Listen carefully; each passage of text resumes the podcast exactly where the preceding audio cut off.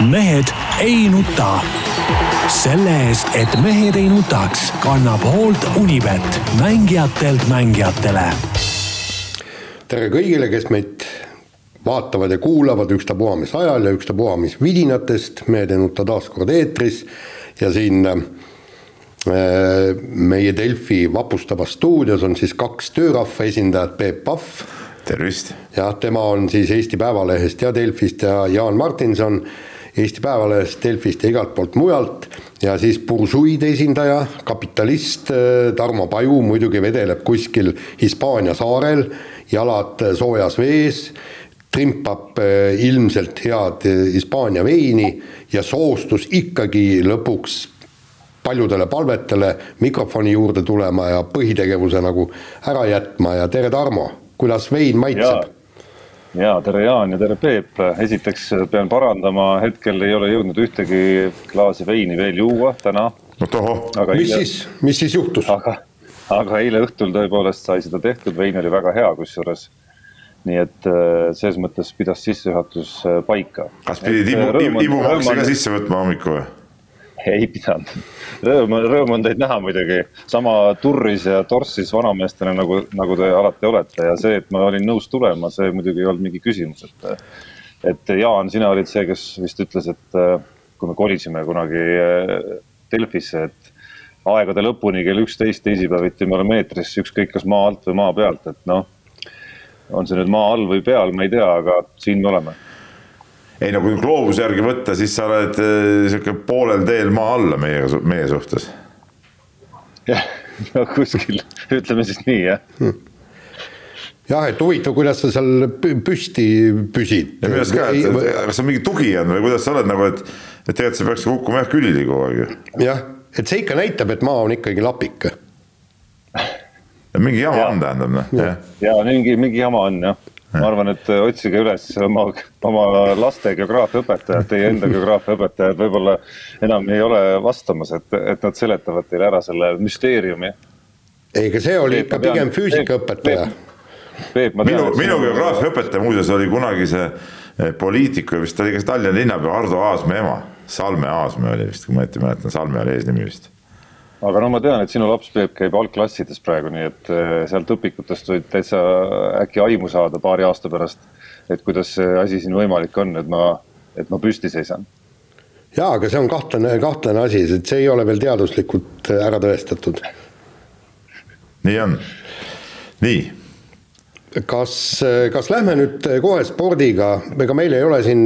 ei, sest poliitikast ei viitsi küll rääkida. ei viitsi rääkida ja, ja meil on, meil on tegelikult see, et, et meil on väga palju häid ja. meil on palju kirju, Tarmo, me peame täna saatega tegema nii, et me jõuaks neid kirju ka menetleda, sest et, sest et kirju on palju, need mitmed eeldavad ka pikemat arutelu ja, ja ma jõudsin, ma jõudsin jah, enne saadet äh, vaadata neid üle, et siin viskas viimase kaheteistkümne tunniga veel öösel inimesed põhimõtteliselt äh, meie väärt eh, head kuulajad olid, olid kõvasti pingutanud, et mennet.delfi.ee umbe ajada nii, aga kütame siis teemadega kohe edasi ja kahetsusväärselt on siin muidugi ka korvpalli, et, et mehed räägivad niikuinii eetri täis, aga alustame siis tennisest.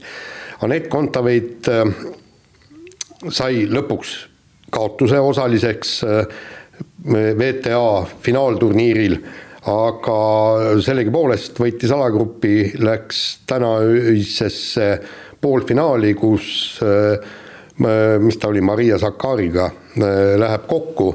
Ja, ja noh, sealt tuleb muidugi valus mäng ja, ja kõik, et aga noh, samas jälle Kontaveit on väga kena tennist mänginud ja, ja just see, et, et kuidas ta Karoliina Pliskova vastu selle teise seti kuus-null võitis ja no seal, seal oli tõesti, seal, seal ei olnud vastasel mitte kui midagi teha, seal, seal Kontaveit mängis täiesti briljantset mängu, aga noh, samas Muguruusa vastu, kus tal kaotus tuli vastu võtta, seal tuli jälle vana häda peale, et äh, pallid pikaks ja liiga palju lihtvigu ja sinna see mäng läks, aga noh, samas äh, seal Mehhikos on pea tuhande viiesaja meetri kõrgusel mängida ja seal need pallid lendavad ka kahtlaselt, tuleb tunnistada.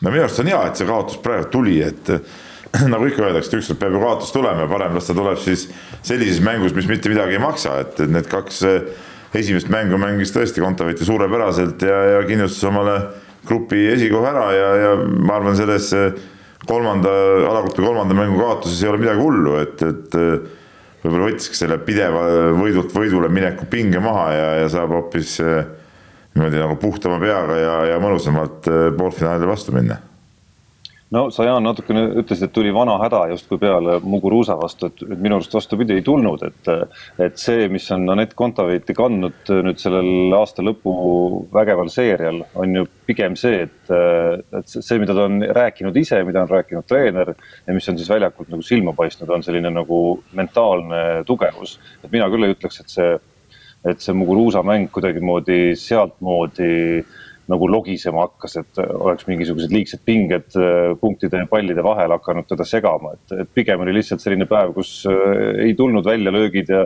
ja imelik, kui need, kui need nagu iga kord tuleksid, et siis, siis me räägiksime sellest, et ta varsti on nagu ülivõimsalt maailma parim tennisist ja esinumber ja Steffi Graf ja Martina Navratilova tase.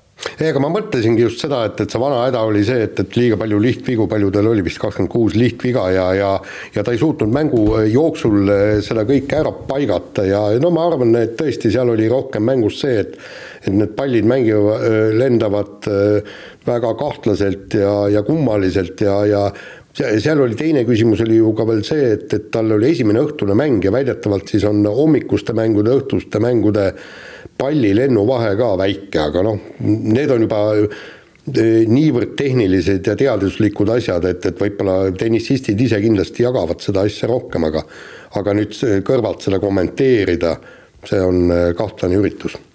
no eriti, kui teile jääb siin teaduse poole pealt müstikaks see, et kuidas ma siin püsti seisan. no jaa, aga see ongi kahtlane nojah, et siis hakka, siis, siis on veel kahtlasem ju see, et pallid erinevalt lendavad seal või. no see on ka kahtlane muidugi noh ja aga nüüd on see poolfinaal äh, Sakari vastu, see tuleb valus mäng ja ja, ja samas noh, minu meelest midagi ei juhtu ka, et, et kui, kui Kontaveit äh, selle kohtumisega kaotab, ta on tegelikult selle hooaja lõpuga äh, niikuinii teinud märgatavalt rohkem, kui ükstapuha, kes temalt ootas ja võib-olla ta ise ka. Ilmselt ei oodanud kõike seda, et praegu ta sai kenasti punkte, kenasti raha teenis ja nüüd olekski noh kaks mängu hea oleks, kui ta saaks ära mängida poolfinaal, finaali, aga ma kujutan ette, et eks temagi ootab vaikselt puhkust ja ja pärast seda siis seda treeningprotsessi, sest tehke no minu meelest on see finaalturniir natukene ülepaisutatud, seal on noh, artiklites ka oi fantastiline ja kõik, et tähtsuselt viies turniir ja kõik noh, noh, minu meelest olümpiamängud on kahtlemata tähtsamad kui see finaalturniir ja ja, ja ikkagi suure slam'i turniir on see, kust me ootame siis tegelikult äh, Anett Kontaveidilt järgmist sammu ja järgmist edasiminekut. no see on lihtsalt tore turniir aasta lõpuks, aga jah, eks ta nii on. ja ta on liiga pikaks no, venitatud jah. ka, saaks mängida ka ära niisugune viie-kuue päevaga ja pole probleemi no ta natuke on siiski enamat kui, kui täitsa suvaline turniir siia lõppu, et ma, ma, kas ta on viies, kuues või seitsmes, eriti olümpia-aastal, noh, seal ei ole ju lõpuks vahet, et minu arust peamine oli see, et et seal olid kohal maailma esikaheksa, noh, kes sel hetkel olid valmis tulema sinna, esinumber jäi eemale ja, ja punktid ja rahad ja kõik juurde pannes, noh siis, siis, siis sealt seda kaalu ju tegelikult äh, annabki mõõta. ja minu arust, mis, mis nagu nüüd äh, selle nagu rasvase punkti, isegi kui Anett nüüd kaotab äh, poolfinaalis, siis mis selle rasvase punkti sellel aastal on pannud, ongi minu arust see, et ma tulen jälle selle vaimse poole juurde tagasi, et kindlasti mingisugune selline nagu ootuste tase oli hoopis teistsugune, kui Anett läks sellele turniirile vastu, et kui siin ikka päris nimekad äh, eksperdid ja nimekad tennisistid nimetavad Anett Kontaveit enne turniiri, kus on kohal maailma kaheksa hetke parimat, turniiri suursoosikuks. Äh, kihlveokontorid leiavad, et tema võidukoefitsient on kõige madalam et siis ka selles olukorras tulla ja kaks esimest mängu maailma tippude vastu ära võita ja, ja mitte näidata ühtegi sellist nagu vaimset nagu nõrkushetke, minu arust äh, see on nagu aplausi väärt. no mis udujuttu sa nüüd Tarmo ajad, soosik peabki võitma ju, loogiline. No kas ta on varem olnud sellises ei, olukorras, kus, ta, kus ta võistleb, kus ta võistleb maailma esikaheksa vastu? mis tähtsus sellel on, mis tähtsus sellel on, ta on soosik, järelikult äh, ta hetkel ongi tema vorm kõige parem, seda ju spetsialistid ka nägid ja ta pidigi võitma, et selles suhtes ei ole siin mingit imet nüüd korda saadetud, et ja, ja mis puudutab seda nüüd, kui me räägime siin nendest suurte slam'i turniiride tähtsusest, siis siis jah, see aastalõputurniir, raha saab seal kõvasti ja, ja punkte ja see kõik on, ongi vägev, aga kokkuvõttes ka kõik see sinu poolt kiidetud see vaimne pool ja see, see ei maksa, maksa äh, midagi, kui ütleme, jaanuaris läheb päris turniirideks jälle lahti ja, ja ja siis hästi ei lähe, eks ole, et, et noh, et eks me peame ikka siis vaatama minu, seda.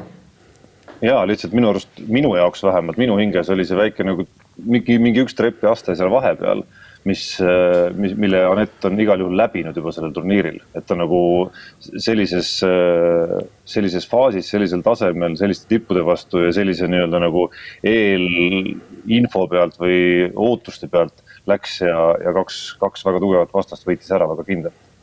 nii ja me oleme liiga kauaks minu arust siia sellesse tennisesse nüüd kinni jäänud ja lähme, lähme järgmise teema juurde. Eile oli siis nii-öelda tore korvpalliõhtu, olin kahjuks või õnneks äh, saalis vaatamas, kuidas Kalev Cramo mängis VTB äh, liigas Permi Parmaga ja, ja sai suhteliselt hävitava kaotuse ja, ja see oli nüüd Kalevil juba päris, päris mitmes kaotus järjest ja, ja ilmselgelt meeskond on vajunud äh, täiesti, täiesti sügavasse auku nii, nii vaimselt, füüsiliselt kui mänguliselt, et et päris raske seis on, kuidas sellest nüüd välja tulla jaa, päris raske seis on, minu arust see Minskit Smoki mäng oli esimene, kus need märgid seal mängu alguses juba hakkasid silma. ma ei oska öelda, et kui palju nüüd, mis on sinna kaasa aidanud, et võib ju spekuleerida, et kas äh, CSKA võitmine siis, mille, mille järel algas see langus, et kas see mingis mõttes tegi karuteene, ma mõtlen nagu mentaalse poole pealt, mõne mehe jaoks vähemalt või siis vastupidi, see oli siis see, kus veel nagu viimaste aurude pealt äh, kuidagimoodi nagu tehti see mingi tohutu pingutus äh, hästi tiheda ja pingelise graafiku nagu käigus, seda oli, seda mängu ju oodati tükk aega. ja siis, siis, siis pärast seda oldi nagu, nagu päris tühjad, igatahes nagu Smoki mängu algus minu arust oli see, kus need, äh, kus noh kuidas ma ütlen, euroliigas kuuleb hästi palju treenereid rääkimas sellest äh, maagilisest agressiivsusest, ma ei tea, Peep, kas meeste esiliigas ka riietusruumis on see nagu. see on, see on põhi, see on põhimärksõna see on põhimärksõna, väga hea, et siis, siis. ja see ei ole mingisugune, mingisugune maagiline agressiivsus, vaid see ongi, see ongi see, mille pealt seda mängu mängitakse ja see on ka täpselt see, mida, mida eile Kalevil ei olnud ja Permil oli. just, just täpselt. Ja see ja see esimene koht minu arust, kus nagu kuidagi nagu mina mäletan nagu süsteemsemalt seda murenemist oligi see Smoki mängu algus, kus ka seda ei olnud, seal küll mängu jooksul mingitel hetkedel suudeti seda nagu leida jälle, aga sellest võitmiseks ei piisanud. Ja, ja sealt edasi ei ole seda nagu üldse enam näha olnud.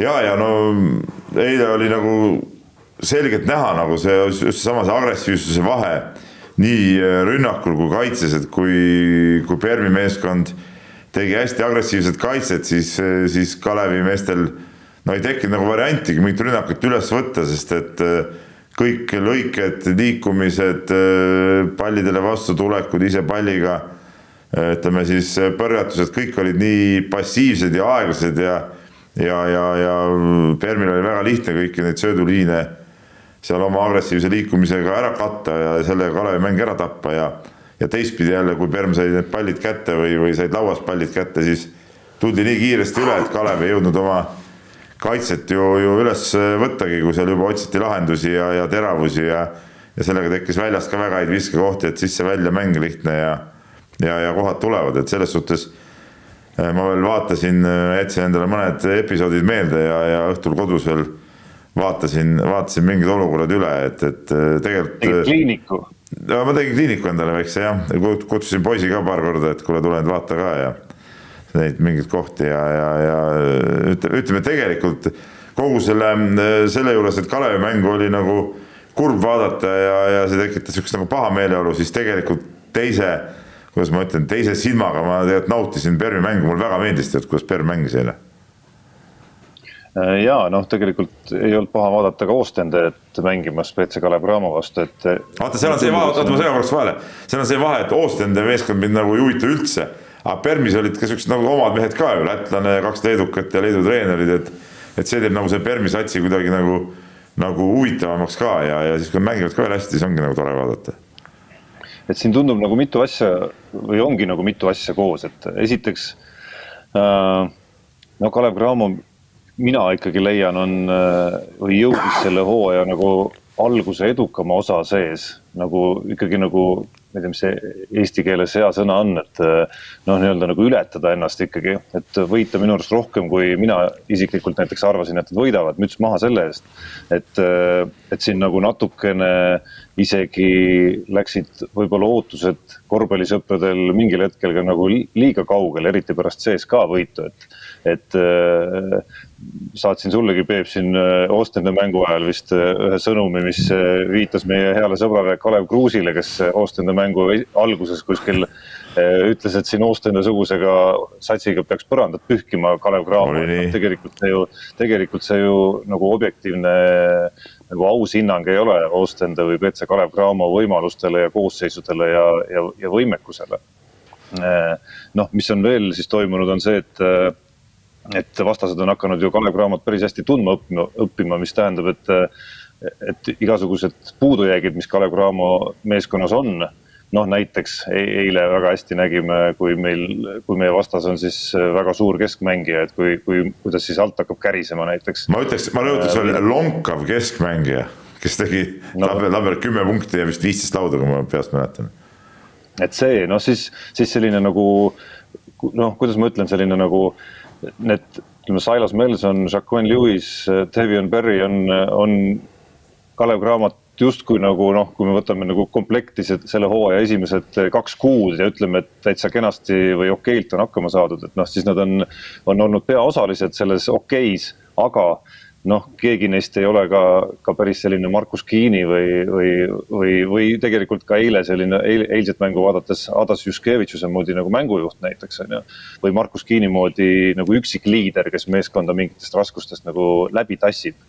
et, et see tundub üks koht, kus Kalev Cramol nagu mingites, mingites mängudes või, või mingid vastased kuidagi hammustavad selle läbi ja, ja teavad, et Kalev Cramo loodab ainult äh, visetele ja viskamisele ja, ja selle agressiivsusega suudavad selle ikkagi nagu ära nullida, nagu Perm hästi sundis. ja kolmas on siis see graafiku teema, et ma siin äh, äh, mingil hetkel eelmisel nädalal, kui Kalev Cramo mängis Raplaga, lugesin korraks mängud kokku, et, et sain koos nende superkarikatega, mis Hispaanias mängiti ja, ja siis karikamängud, mis meil on mängitud ja see meistrite liiga eelvalikturniir, sain vist tulemuseks, et äh, Kalev on mänginud tolle hetke, tolle päeva seisuga ühe mängu vähem kui FC Barcelona. Šarunas Jassikevitšuse juhendatud meeskond ja siis tulen jälle selle Euroliiga juurde ja kuulen seal ja näen treenereid ja klubi juhte aina rohkem rääkimas, et see, et see nagu see graafik Euroliiga uues süsteemis, et see, et see on nagu läinud üle käte, et siin oli vist Belgradi Crvena Zvezda kas omanik või president või tegevjuht, kes ühes intervjuus ütles, et, et sellise graafiku juures tuleb meeskond komplekteerida tegelikult kaheksateistkümnest mängijast, et see kuidagimoodi nagu hästi läbi vedada. et noh, Kalev mängis siin sisuliselt ikkagi üheksakümnega sellist, sellist äh, raskemat perioodi. no aga seda, sellest sai räägitud kohe, et see niimoodi läheb, läheb keeruliseks, et ma tegelikult seda seisukohta ei jaga, et Euroliiga graafik oleks üle käte, et ma loodan väga, et nad seal midagi muutma ei hakka, et see, et see niimoodi säilib ka ikkagi, et mängivad mängivad kõik õige kaks, kaks ringi läbi, et ei lähe ometigi tagasi mingite alagruppide peale seal mis oleks nagu täielik no, eelmi, täielik jama. eelmisel, eelmisel hooajal vist Barcelona sai kokku rekordilised üheksakümmend mängu kõikide sarjade peale kokku. et äh, see, sellist numbrit vist Euroopas ei ole kunagi olnud ja selge, et see seab siis meeskondadele komplekteerimisel äh, vähekene. ei, see on loogiline, no see on loogiline, aga kui sa, aga kui sa tahadki neid sarju mängida, siis peadki niimoodi komplekteerima, et sa ei saa kümne mehega minna mängima kõiki sarju ja ma mõtlen, kas, kas Kalev Cramo seda superkarikat nii kangesti oli tarvis mängida, noh, et mis see mis see näiteks see Hiiumaale sõit neile nüüd nii väga andis või, või see, et nad seal kuskil Final Fouris mängivad detsembri teises pooles, et, et sellel ei ole tead mingit mõtet, et oleks tulnud ikkagi keskenduda, eriti teades oma võistkonna õudsust ikkagi nendele sarjadele, kus, kus on oluline võite võtta ja neid Eesti liiga mängudes ka ikkagi, no nüüd neil on neliteist meest olemas. ma tahaks näha, et seesama noor poiss, see Kask ja, ja Allerid ja need on Eesti liiga mängudes kogu aeg platsil, et, et ei ole mõtet ju neid põhimehi seal, seal niimoodi tampida ja seda aega tuleks seal võrdselt jagada, sest et sellel ei ole mingit tähtsust, mis koha nad seal saavad, kui nad play-off'is jõuavad seal kõiki tolmutada. aga mis ma veel ühe viimase asjana, muidu Jaan siin juba, juba haigutab, eks ole, tahtsin ütelda selle Kalevi kohta veel.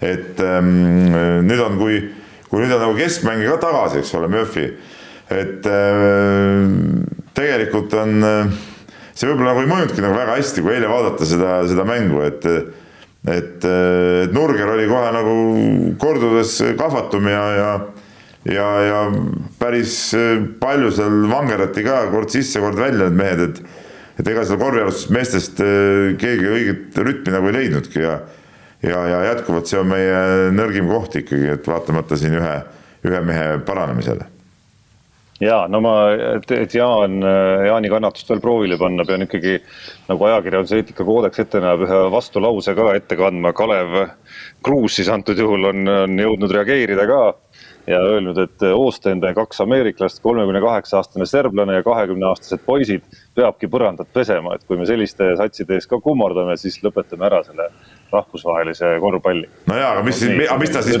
mis ta siis Permist arvab, kus on ainult üks ameeriklane Äh, üks lätlane, paar leedukat ja mingi poolakas, et äh, ülejäänud on suvalised vene, vene, vene, vene tüübid, et noh, nendega mida siis peaks keldrit koristama või, et noh, paraku käivad asjad, asjad teistpidi ja, ja ma päris äh, sõber Kaleviga nõus ei ole. aga enne kui me korvpalliteema lõpetame, Jaan, me peame ikkagi nagu tegema sügava kummarduse naiste korvpallile ka ja käisin pühapäeval siis õhtul ka saalis, kui Merike Anderson pidas oma koondise karjääri lahkumismängu, naiste vanusest ei räägita, aga noh, ütleme Okola Sorok ehk Okola nelikümmend.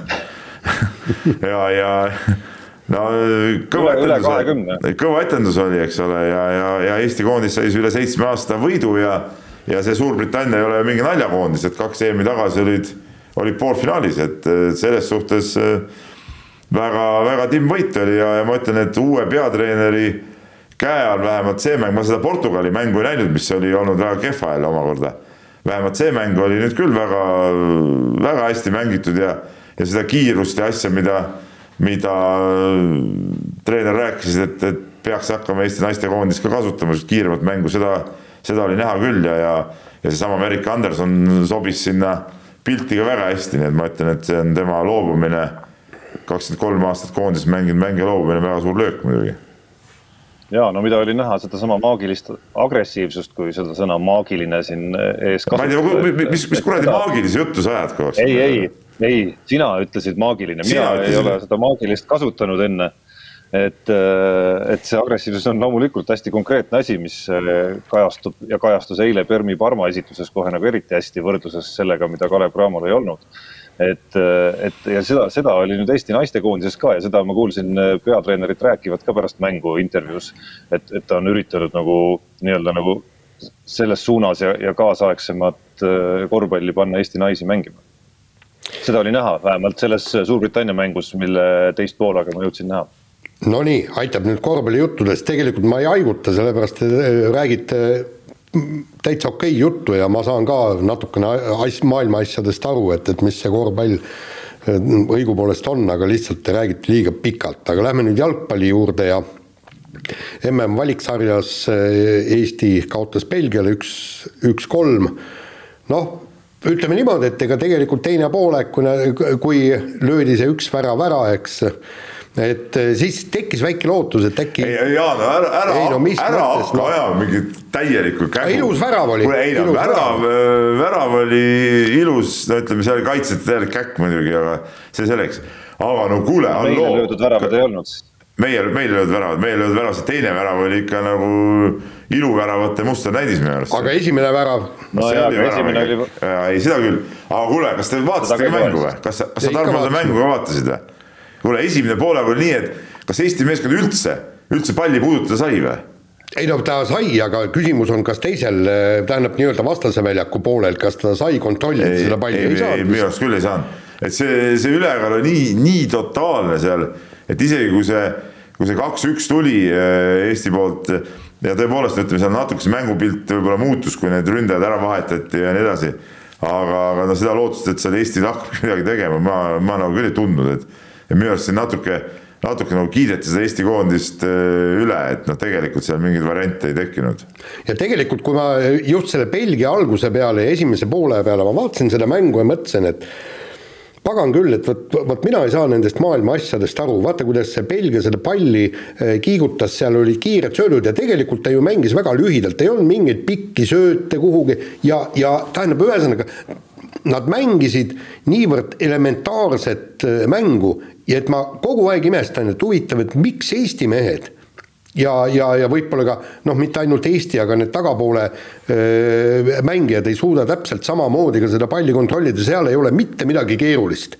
seal on ainult liikumine, ei no vaata ise, viiemeetrised söödud, mängija liigub vabale kohale, täpne no viie meetri pealt peaks ikka suutma seda söötu, söötu anda. isegi sina, Jaan, kui me käisime siin vanasti Just. mängimas, suutsid no ütleme, kahe meetri peale suutsid täpselt sööta veel. just, aga, aga, aga see ongi tead mingisugune fenomen, et kui sa vaatad, et kui lihtsalt on võimalik seda jalgpalli mängida ja domineerida ja siis, siis ja meie siis nii, kui see palli kätte saime, siis panime kohe pika ette, lootes, et aga seal ei ole ju Andres Oopert enam ees, kes oma kiirusega võis ära teha.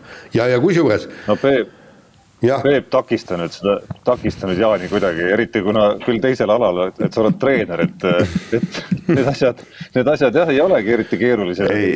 Tehniline, tehniline kiiruslik võimekus, muud midagi. ei, seda ka ja teine asi on muidugi see, et ma selles suhtes Jaaniga nõus, et ega Eesti oleks ka seda palli, kui ta palli juba kätte sai, oleks võinud ka natuke seda ikka kontrollida või üritadagi seda kontrollida, aga nad nagu isegi ei üritanud seda teha, et selles suhtes ma olen, ma olen Jaaniga nõus, et muidugi see ei ole nii lihtne, kui sul kui sul võimed ja tehnikad ja need ei küündi nagu selleni, et seda, seda kõksu seal panna ja kui vastane tuleb, hakkab sulle survet tegema, et lõpuks sa oled oma trahvikastis oma söötudega, sa ei saagi sealt surve alt välja. et, et need ohud on ju, on ju kõik olemas, aga, aga kui Eesti tahab üldse midagi saada, siis nad ikkagi peavad hakkama rohkem seda palli ka hoidma ja, ja, ja, ja omavahel seal söötma ja, ja kiigutama, ma arvan, et ega see huupi ette lahmides nagu tõesti head nahka ei tule ja, ja kusjuures no, siin tuleb. ongi, ongi, ongi Eesti hakanud ju tegelikult, kui sa nüüd nagu vaatad äh, pilti võib-olla jah, mitte Belgia vastu no,. Belgia vastu nad ei suutnud seda teha jälle. Nende vastu, nende vastu, kellega me siin viimasel ajal oleme paremini mänginud, kes ei ole päris Belgia tasemel. ei, seal on mängitud palju rohkem ja võib-olla täna Tšehhi vastu ka suudavad natuke rohkem hoida. ja, ja Tarmo vaata, mis ma olen siia teemadesse kirjutanud, Belgia sai ju viimase kaotuse valiksarjas sai ju Eestilt null kaks. et Eesti on suutnud Belgiaga mängida hästi küll ju mis aasta see oli, mäletad ka või? no see oli mingi neli, kolm-neli aastat tagasi, mitte, mitte liiga. ei, ei, ei olnud, see oli üle kümne aasta tagasi. ei, ei, ei, ei olnud, ei olnud, ei olnud, oli või? aga päris hea küsimus praegu. noh no nii. sellest tegelikult oli ülekandes ka juttu, mis aasta see oli, ma praegu mäletan. kas on, äh, Belgia oli kas kakskümmend kaks või kakskümmend neli mängu pärast seda kaotuseta püsinud, et see. no aga kakskümmend neli mängu on ikka mitu valiksarja, Jaan. no mis ta nii väga, kaheksa mängu sarjas kaheksa kuni kümme mängu sarjas. kolm valiksarja, kolm valiksarja mängitakse umbes, umbes siis äh, kuue aastaga või? no aga anyway, Eesti, Eesti igal juhul suutis, kuigi Belgial ei olnud tolles mängus äh, midagi vahel, nad olid, äh, olid juba koha edasipääsu kindlustanud, aga, aga ikkagi tähendab noh. no ikkagi no, Jaan, see oli kaks tuhat üheksa see aasta, ma tegin väikse tšeki juurde. no aga see oli peaaegu äsja. no aga kaks tuhat üheksa, no mis asja, no see oli muidugi, selles suhtes see polnud ju väga ammu. sama põlvkond võiks ju olla. ja, ja. no mis see üksteist, kaksteist aastat, mis seal vahet on, tead noh. kuule, Vassiljev mängis toona äkki või? Klaavan ka. jah nii, nii, vahetage nüüd teemat, nagu asi väga piinlikuks läheb aga üks kummaline üritus oli eelmine nädal kõik portaalid kandsid seda üle ja, ja oli tehtud nagu siis mingisugune show, Team Estonia äh, esitlus. Äh, ja, ja ma vaatasin ka seda, ma sinna kohale päris ei läinud, vaatasin ka nagu üle, üle meie selle ülekande seda ja ma ei tea, ega ma sealt nagu midagi teada ikka ei saanud või, või, või mis, mis nüüd siis, no ma saan aru, raha tuleb natuke juurde, eks ole, aga, aga, aga ütleme, see kisa-kära ja, ja ütleme, see mingi mingi promo on praegu suurem, kui ma tahaks nagu rohkem neid tegusid näha ja, ja seda, kuidas, kuidas see reaalne kasu seal, seal äh, tõusma hakkab, igatahes siis eesmärgid seati tuua igalt olümpialt medal. ehk siis noh, ma ei tea, see ei ole nagu, see ei ole nüüd küll mingisugune eriline eesmärk minu arust Team Estonial, et tuua igalt olümpialt medal, et noh, see nagu siin äh, meil saate teemade kokkupanija Jaan on kirjutanud, et Uus-Meremaa mis on neli korda äh, suurem Eestist, võitis Tokyos kakskümmend medalit, et noh et, äh, et eks see, eks see nii ongi, aga üks medal ei ole nüüd küll, tähendab tiim, ilma Team Estoniata võideti ka praktiliselt igat olümpiat medal, et see ei ole nüüd küll mingi eesmärk nagu. jah, ja teine asi. ma kehastun, ma kehastun. võideti rohkem kui, võideti rohkem kui üks medal ilma Team Estoniata. mida sa kehastud seal?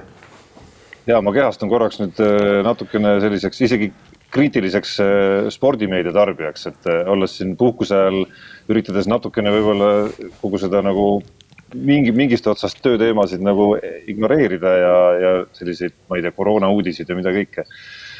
siis sporti ma jälgin suure huviga ja mul ongi jäänud segaseks Eesti spordimeedia tarbijana, et, et mis üritus see nüüd oli ja mis siis nagu, okei okay,, see medalijutt medalijutuks, mis, mis seal sõnastati mingiks eesmärgiks, mis kõlas ka imelikult, nagu te praegu viitasite, et, et mis siis nagu reaalselt, kas midagi muutus praegu, kust ja kui palju ja mille jaoks tekkis raha juurde? Ja nii edasi, nii edasi, need küsimused on need, millele ma ei ole nagu vastust saanud. ja need küsimused, need küsimused, need küsimused on jäänud õhku, sellepärast et Eesti spordimeedial on praegu nagu tähtsamaid ja kiiremaid asju, mida, mida kajastada ja teha, et nende, selle teemaga, minu arust väga ebaõnnestunud ajal tuli EOK sellega muidugi välja, kui päris tõsiselt rääkida ka. et samal ajal, kui siin on äh, käimas äh, sama see Kontaveidi turniir, äh, jalkakoondise mängud, kõik noh, asju on nagu palju, inimesed on sõidus siin, korvpallid, asjad, siis, siis see teema jäi, jäi nagu kõikide toimetuste jaoks tegelikult Äh, täiesti tagaplaanile ja, ja ei ole keegi seda, seda lahti jõudnud arutada ja ma isegi siin eile nagu mõtlesin selle üle, et, et äh, aga, aga noh, ei ole, ei ole lihtsalt puht füüsiliselt jõudu ja aega olnud sellega tegeleda praegu kellelgi. ja aga ma olen aastate pikku ju. ei no Tiim Estonia, seda teemat me oleme Jaaniga mõlemad jälginud, ma juba veel Postimehes töötades tegelesin sellesama sama jutu ja asjaga, et noh. ja, ja siin, siin on tegelikult olemas ju väga suured käärid, tähendab minu arusaam, ma olen aastate pikku ju uurinud kõik Taani seda tiim, tiim Denmark, tiim New Zealand, tiim Great Britannia, kõik, et, et ma näen, kuidas, kuidas need ja miks ma tõin just Uus-Meremaa näiteks. Nendel on ka plaan vot me ütleme võita üks medal, neil oli plaan Tokyost võita viisteist medalit, väga konkreetne ja, ja arvestage, kõik need tões-, tõsiseltvõetavad tiimid, nad toodavad medaleid, kuigi see võib-olla spordiametnikele ja juhtidele väga ei meeldi ei no see ongi point, toota medaleid. Just, ja, ja nad valivadki välja need sportlased, kellel on medalipotentsiaali ja siis teevad kõik endast oleneva, et see potentsiaal ka noh, välja saaks pursatud nii-öelda. ja, ja, ja praegu me, me ju mingi paar saadet tagasi äh, rääkisime ju see ujuja, noh. Jefimov. Eneli Jefimov, täpselt, tema on üks kes võiks tuua meile olümpiamedaleid ja nüüd mitte mingisugust mingit C-kategooriat või mis, minna tema juurde, küsida, mida sa tahad, füsiot, massööri. tema on ka Team Estonia liige. ei, ta on aga mis see, see tähendab?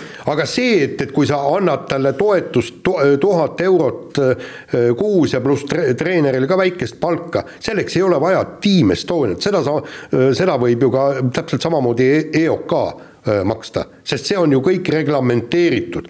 kui sa tuled kahekümne hulka EM-il või, või MM-il või olümpial vist, siis sa saad C-kategooria peale kõik, selleks ei ole Team Estoniat vaja, vabandage. No ma veel lisaks, et selleks ka ei ole, ma arvan, vaja, et öelda, et, et me nüüd tahame ühte medalit igalt olümpialt, et sa, Jaan, ütlesid, et see on et see on äh, plaan võita see üks medal, et noh, see iseenesest ei ole mingi plaan, et see on, äh, kvalifitseerub eesmärgiks, äh, mille täitmiseks tuleb siis nagu ports tegevusi ehk siis nagu plaan kokku saada. et see ongi nüüd see osa, millest tahaks nüüd nagu teada saada, vähemalt sellel üritusel ei kostunud küll väga veel midagi sellist, mis, mis, mis oleks väga selgeid vastuseid andnud. ei, üritus ei andnud mitte mingeid vastuseid. siis nagu täpsemalt on üritus oli väga, väga arusaamatu asi oli see üritus minu arust. ja tegelikult siin plaan peaks olema, ütleme niimoodi, et tõesti lähimad eesmärgid, et Pariisis vähemalt kaks medalit, vähemalt tegelikult kolm. ei, kaks. ei, ei, ei okei okay., nii, ütleme siis kolm medalit. Te lähete te lähete sinna medalite juurde jälle, mul on küsimus, et mida reaalselt siis tehakse ikkagi, kuidas, kuidas neid medaleid siis nagu võidetakse? ei, vot siin no ongi, tähendab, me, see, me võtame jah. eesmärgiks kolm medalit. nii, nüüd me kaardistame ära, kes võiksid need medalid võita ja, ja siis panemegi täp, väga täpse plaani, kuidas, kuidas neid sportlasi aidata, et nad jõuaksid, suudaksid tõesti need medalid koju tuua vot, vot nii peaks see olema, nii, võtame järgmise teema ja perekondlike probleemide tõttu Monza MM-etapi vahele jätnud Ott Tänak testis ometi Hyundai autot ja, ja tegelikult noh, ega kõik on üsnagi hämmingus, soomlased ju kirjutasid sellest artikli päris põhjaliku ja küsisid, et, et vabandage väga, et mis toimub ja, ja viskasid siis sinna artiklisse siis välja ka nüüd need kuulujutud, mis käivad, et Ott Tänak on Hyundai'st hoopistükkis lahkumas ja, ja, ja kuna see auto ei ole võiduvõimeline ja tal, tal on motivatsiooniprobleemid, ta ei soovi saaniga sõita WRC autode vastu. ja ei, see olukord on, on väga huvitav ja ütleme, see tegelikult just see, et nüüd äh, tuli see uudis sellest testimisest, see nagu lõi niisuguse pildi ikkagi tegelikult täiesti segamini, et eks, eks meil siin Jaaniga oli ka väike arusaam, et, et Oti ja Hyundai võib-olla asjad ei ole seal kõige paremas, kõige paremas seisus, aga noh, seegi see, et mingeid ametlikke infokanaleid ju selle kohta polnud ja, ja, ja siin nagu kuskil suure kellaga seda panna ei saanud, aga noh, ütleme, me oleme siin ise arutanud ja ja, ja ütleme, niisugune arvamus on ju ka nii-öelda selles WRC ajakirjanike hulgas ka levi, levimas, eks ole, võib, võib, võib niimoodi ütelda, aga nüüd see, see testimine jälle natuke pani asjad jälle, jälle teise valgusesse, et, et, et seis on, seis on väga segane igatahes, noh ja aga huvitav on see, et, et mitmed välismaised ralliajakirjanikud on, on minuga ühendust võtnud ja küsinud, et kuidas oleks võimalik Ott Tänakuga jutule saada, sest kahetsusväärselt ta Monsasse ei lähe ja, ja kogu maailmal on ju, rallimaailmal on küsimusi väga palju, aga vastuseid ei ole. ja, ja ma ise proovisin ka siin Otiga äh, intervjuud teha, praegult see noh, ütleme nii, et praegu see ei ole õnnestunud, aga võib-olla mingid variandid on õhus, noh, et, et siin ei tea, kuidas see õnnestub. nii, et vaatame, kas, kas nüüd Monza rallil tuleb midagi. ma ei usu, et Monza rallis, ma ei usu, et sellel teemal midagi tuleb, et see ilmselt, ilmselt läheb selle teemaga veel aega, et, et mis siis mis siis see järgmise aasta plaan ikkagi täpselt on ja kuidas asjad olema hakkavad? jaa, aga kahekümnenda jaanuari paiku peavad juba autod stardis olema seda küll, seda küll. Pole palju aega jäänud, nii, aga laseme nüüd kõlli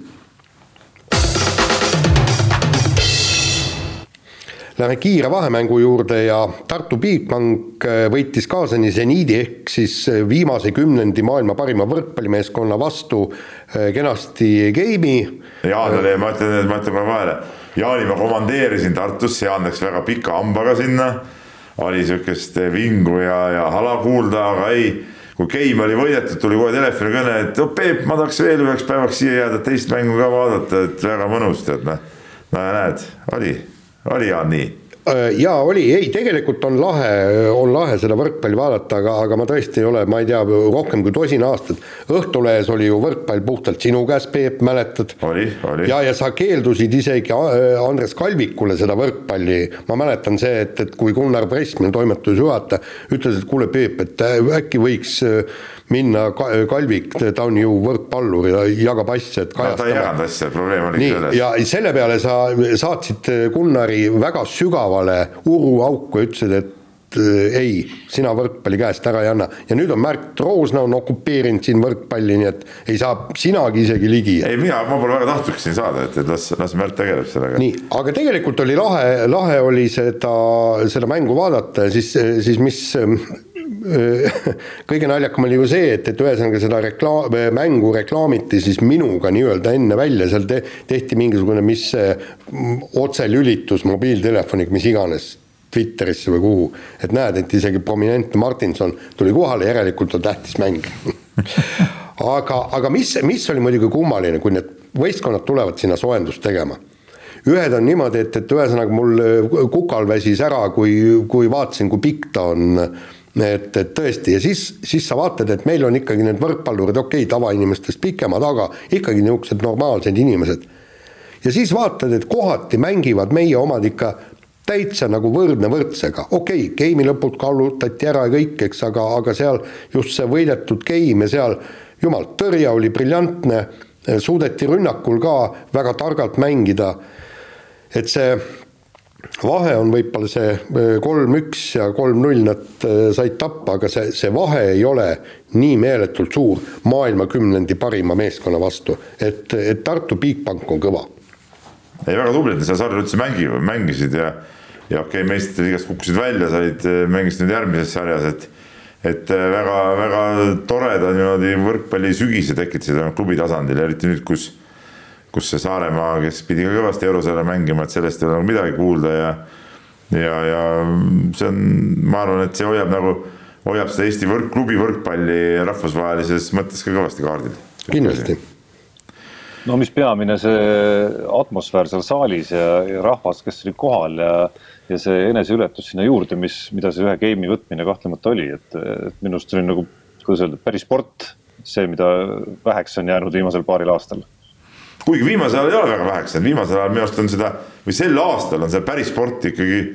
ma nagu vaidleks sulle vastu, on päris palju tegelikult ja, ja päris, päris häid asju on tegelikult ja üks, kui lüppame kohe järgmise teema juurde, et päris sport on kahtlemata meil ka mm, jäähoki ja õigemini jäähoki mees Robert Rooba, kes käis siis möödunud nädalal Eestimaal esimest korda pärast mm, KHL-i klubiga Tšerepovetsis Everstalliga liitumist, esimest korda oli kodus, mängis kodusel hokiturniiril kolmest mängust kahes oli ta siis jääl koondise eest. aga õnnestus siis enne, enne koondise mänge temaga teha ka üks, üks intervjuu ja väga, väga mõnus äh, istumine oli ja mõnusalt see juttu ajada ja, ja, ja rääkis mees ikkagi siis nii nagu, nagu asjad tegelikult on ja nagu minu arust peaksidki olema, et, et Venemaa hokiklubi, mis on ikkagi teadupärast suht äh, karm paik, et ega seal mingit nalja ei tehta ja, ja nagu Robert ütles, et et õlale ei patsutata, et kui ollakse äh, vait ja midagi ütelda, et siis on, siis on kõik hästi. ja, ja kui, kui ei ole hästi, siis, äh, siis tuleb minna peatreeneri kabinetti ja, ja, ja öeldakse sulle otse ära, mis nagu hästi ei ole, et, et seal mingid, mingit äh, sihukest skandinaavialikku ülekiitmist ja, ja, ja pehmostamist ei ole, et, et minu arust see on see on hea ja kõva, kõva mees on, kes seal hakkama saab ja Robert Rooba kahtlemata saab, just vaatasin eile küll nad kaotasid, oli nüüd peale seda väikest koondise pausi oli esimene mäng Moskva CSKA-ga. pullititega kaotasid, aga Rooba näiteks mängis kuusteist minutit, mis on, mis on väga-väga pikk aeg tegelikult ütleme sihukeses liigamängus. ja ma mäletan, Peep, kui sul oli seal Postimehes oli suur plakat pea kohal, et präänik on see, kui piitsa ei saa. jah, oli.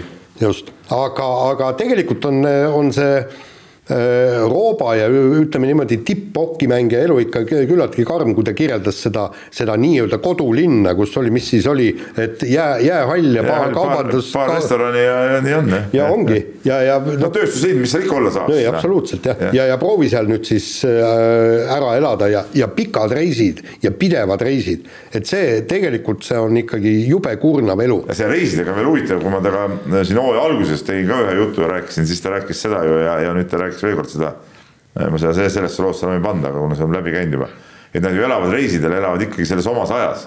et kui nad lähevad näiteks, sõidavad sinna Vladivostoki, siis nad elavad ikkagi sisuliselt selles Moskva ajas, eks ole, et, et et teevad öösel trenni nii-öelda ja, ja mäng on siis varahommikul nagu nende järgi ja kuidagi, et noh, et see on, see on päris huvitav, et noh, nagu et kui nad hakkaks kogu aeg seda ajavööndit ka vahetama, noh, Venemaa teadupärast suur, et seal tuleb päris palju neid pikki pikki sõite ja asju, kui nad nüüd ajavööndit ka vahetama hakkavad, et siis, siis äh, läheb asi päris hulluks, aga üks, üks detail veel, mis äh, noh, nende see mängutempo, et kui me räägime siin Kalevil on, on hirmus mängutempo ja nii edasi, siis nendel on seal veel hirmsam see, et nendel on juba pool põhiturniiri mängitud praegult. no seoses olümpiaga, eks ole, olümpiaeg tuleb, tuleb paus ja siis no korra jutuks, et noh, et olümpial siis saate võib-olla hinge tõmmata, ütles, et ei, ei, et et mitmed äh, mängijad, kes on seal varem noh, kauem mänginud KHL-is, on öelnud, et no parem meelega mängiks, kui seda pausi teeks, et see tähendab mingeid meeletuid trenne ja, ja mingeid treeninglaagreid ja, ja asju, et, et et äh, mingit hingetõmbeaega seal ei anta igatahes nii. ma siiski tulen selle jutu alguse juurde korraks ka tagasi, et, et ülistuslaul siis sellisele, kuidas öelda, survestavale treeneri filosoofiale. no ütleme nii, et ülistuslaul kas, õigele treeneri filosoofiale. ja ma tahtsingi sinna jõuda, et kas äh, treener Pahvi hoolealus, hoolealused äh, ei kuule ka head sõna kunagi? Äh, no vahest võib öelda, et tubli, eks ole, aga aga kokkuvõttes, no mis, mis sest, mis sest heast jutust seal laulda, eks ole, tuleb, tuleb rääkida sellest, mis on jamasti, mida tuleb nagu heaks muuta, tead, siis ei olegi vaja midagi rääkida enam, tead, noh. väga lihtne nii, võtame järgmise teema, jääme hoki juurde ja Siim Liivik.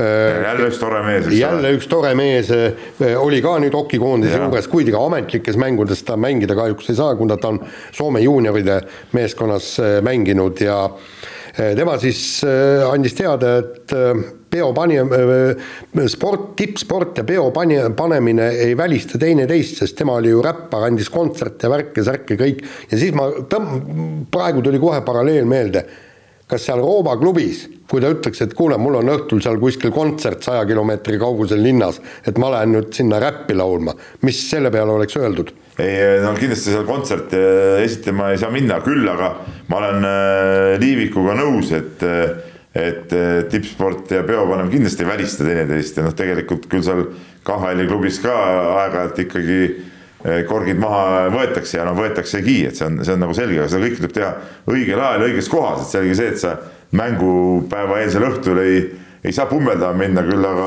mõnikord pärast mängu või kui sul on teada, et sul on kaks-kolm päeva mänguni aega, siis eh, ja sihuke tiimitunde ja enda lõdvaks laskmise nimel see on, see on jumala okei okay ja, ja siuksed asjad peavadki olema, et ega need, need, muidugi on ka mõned kuivikud jõudnud eh, tippspordis kaugele, aga üldiselt üldiselt see ei ole väga, väga hea tee, et, et noh, võtame kasvõi siin, ma ei tea, Kimi Raikkonen ka noh, vaata tuli maailmameistriks, oli peomees, oli.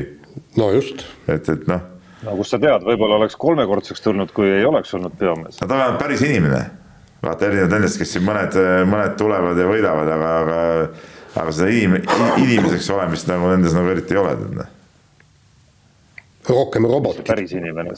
no päris inimene see, kes nagu ikkagi elab täiel rinnal et ei, mitte ei ole nii, mitte, mitte ei ole, ei mis nõrkust, kas peo panemine on nõrkus või ei ole. peo panemine on see, et sa oled, sa oled elus sees, noh, sa elad nagu. mitte ei ole sihuke kuivik, ütleme, et raputad ja siis ainult tolmu, tolmu tuleb ja prahti kukub, noh, see nagu see nagu ei, ei ole nagu mingi elu eesmärk, et tuleb võtta kõik, tuleb teha sporti kõvasti, tuleb panna pidu kõvasti, tähendab, see on nagu selgemast selgem. Noh. peab ikka niiskus sees olema. niiskus peab sees olema jah ja,, jah. siis see tolm laiali ei lähe. jah, jah. nii, aga äh, vormel ühes oli pühapäeval tore sõit, et me päeval Jaaniga rääkisime, et Hamiltoni seisud on seal keerulised ja nii edasi, aga näed mees tuli, tuli vaatamata kahele karistusele, mis ta sel etapil sai, tuli raskest seisust välja ja, ja lõpuks võitis etapi ära, nii et äh, ei ole siin midagi Verstappenil, noorel poisil siin hüpata veel, et äh, mis see vahe on nüüd, neliteist silma kolmteist silma jah, et, et et äh, läheb, läheb äh, põnevaks. Aga tegelikult oli see, oli tõesti üks müstiline sõit, et äh, üle pika aja tõesti vaatasin nagu huviga no tegelikult viimased sõidud ongi just tegelikult äh, Hamiltoni ja Verstappeni vahel. et kogu see võitlus, kõik see, mis seal tagapool tehakse, seal ka mõned möödasõidud võivad väga toredad olla, aga see ei huvita nagu äh, kedagi, aga see oli ikka võimas sõit ja, ja lõpuks mitte keegi aru ei saa, kuskohast see äh, Hamiltoni autol see kiirus tuleb. täna oli jälle artikkel Red Bulli boss ütles, et nad olid sealt datast vaadanud, et eh, viimasel ringil oli, oli kolmkümmend kilomeetrit tunnis, eh, sõitis sirgetel kiiremini eh, Hamilton oma autoga kui Verstappen. kolmkümmend või? kolmkümmend kilomeetrit tunnis kiiremini. mis on küsimus selles, mis Verstappeni autol viga oli?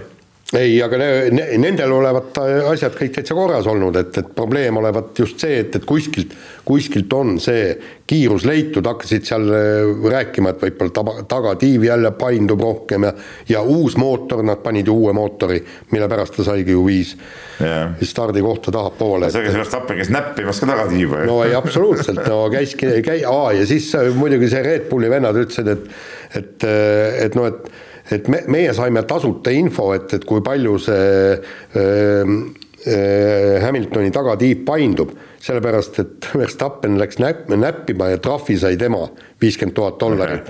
Ja meie saime tasuta info. aga selle üle mul on hea meel, et vormel ühes on jälle nüüd natuke niisugust kuidas ma ütlen, ka siukest äh, intriigi või, või siukest nagu natuke siukest, siukest krutskilikku intriigi nagu, nagu vanasti meeste vahel oli, kus vahest vahest pandi ka, ka rusikad käiku, kui vaja on ja, ja seal üksteisega päris teravalt äh, vesteldi, et vahepeal tundus jälle see, läks see vormel üks maailm kuidagi steriilseks nagu noh. et, et jäigi siuke tunne, et kui Raikkoneni pole, poleks, eks ole, siis nagu polekski ühtki inimest seal. Jälle ongi, ongi kõik mingid robotid ainult seal ja siuksed steriilsed kujud, aga nüüd, kui seal käiakse mingeid masinaid näperdamas, saadakse trahvi ja, ja sealt tekivad mingid vastasseisus, vot see, see on nagu huvitav ja, ja, ja see annab kohe asjale kõvasti juurde noh, sa ütlesid veel väga pehmelt praegu, et äh, natukene intriig, et minu arust on intriig seal ikka nagu laes täiega. ei no võrreldes vanade aegadega, kui Schumacher sõitis, sõitis kurvis äh, mehed rajalt välja, sellepärast et nad punkte ei saaks, on see veel praegu nagu kukesupp, nagu öeldakse, tead no,. ootan, ootan ka selliseid tegusid, ootan ka selliseid tegusid, tead et otsustavad võistlused ju tulevad alles, et äh, omavahel on neid autosid kokku pandud ka juba selle hooaja keskel ja, ja teises pooles, et selles mõttes on ju ka need elemendid olemas, pluss äh, kõik need tehnilised jagelused seal tiibade ja asjade osas, pluss veel erimeelsused selles osas, kelle, keda peaks mille eest karistama ja kuidas seal üks tunneb, et neile tehakse ebaõiglust ühes asjas ja teine, et te, teine, et siis teisele teises asjas ja nii edasi ja nii edasi, et, et selles mõttes on nagu on natukesest see intriig ikka päris kaugel, äge värk. nii. Ah,.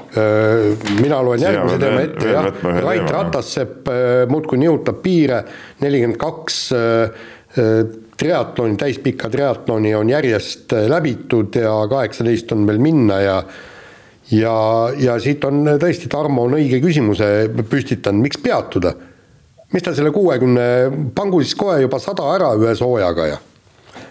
ei no siis tekib ka küsimus, et miks peatuda noh. ei no sada on vähemalt ikkagi normaalne, kuuskümmend on mingi suvaline number, aga sada on ikka sada no ma ei oska sellest ja, küll nagu midagi arvata, sellest äh, kogu sellest üritusest niimoodi ausalt öeldes, noh. ma tahaks, et, et oleks nagu nad teeks nagu mitmekesi seda, siis see oleks minu jaoks võit, tähendab see, seegi see, et see on kõva asi, see on üli, üli, üliinimlik pingutus, mis see mis ta teeb, aga ma tahaks, et seal oleks seda võistlusmomenti ka, noh. sa ei taha, jah? ei, kindlasti tahaks no.. näiteks kümme meest tulevad jah. seal ja panevad. no siis oleks nagu mingi äge nagu see asi, no siis oleks nagu võistlus, praegu ei ole nagu võistlus minu jaoks, noh. ta on lihtsalt nagu sihuke inimvõimete piiri kompamise eksperiment, no jaa, aga ta ei ole nagu, ta ei ole, ta ei ole selles mõttes nagu klassi, nagu sport nagu nagu, nagu spordi mõistes, et eks seal ei toimu nagu võistlemist mitte kellegagi peale iseenda. iseendaga võistlemine ei ole sport. Aga noh, raske on, raske on jah, kuidagi neid piire on nihutatud juba nii palju, et, et raske on ühest küljest nagu hämmastuda, üllatuda, aga no teisest küljest ikkagi, kui loed tema käekäigust järgmist või uut artiklit ja siis loed sealt juurest, et, et maraton sinna neljakümne esimese maratoni, neljakümne esimese triatloni lõpetuseks joostud maraton tuli ajaga, mis ta oli, kolm null viis või? Et see, see, see on ikka absurd. absurd jah. nii, aga laseme nüüd kõlli. Unibetis saab tasuta vaadata aastas enam kui viiekümne tuhande mängu otseülekannet. seda isegi mobiilis ja tahvelarvutis. Unibet, mängijatelt mängijatele. nii, Tarmo, räägi Unibetist no rääkige ise kõigepealt Unibetist, et äh, kuidas teil läinud on? no võitu ei tulnud. kaotusi? noh, las ta olla.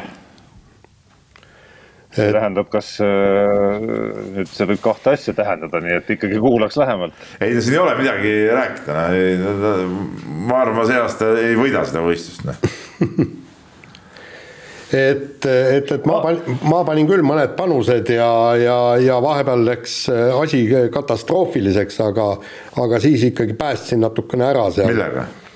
ja ma tegin live-panuseid ja no,. see ongi, vot see ongi see asi, oota, oota, see ongi see asi, et Jaan äh, lebab päevad läbi oma diivanil selle arvuti kõhu peal ja paneb mingeid live-panuseid, noh. kui ma panen mingi ühe panuse selle pinuse, siis nii ongi, no ja, ja rohkem see nädal midagi ei juhtu ja siis ongi kogu aeg miinus, miinus, miinus, aga Jaan mingi laividega, minu arust peaks olema keelatud nagu minul ei ole nii palju aega, et, et mingeid laivi panuseid ei no vaatad õhtul, õhtu hilja Ameerika jalgpalli kell üksteist noh no, ma ei tea noh no.. mis sa teed, mis sa teed sel ajal, kui Jaan lebotab seal, sa võid samamoodi lebotada. millal? Jaan lebotab ju poolest päevast no, no kus ta on? voor hakkab. kell üksteist ja ma vaatan, kas on veel Euroliiga või, või mingi korvpall või mingi no aga asi. sinna panegi laivi peale ei panna panuseid sina ei tohi, jah? ei.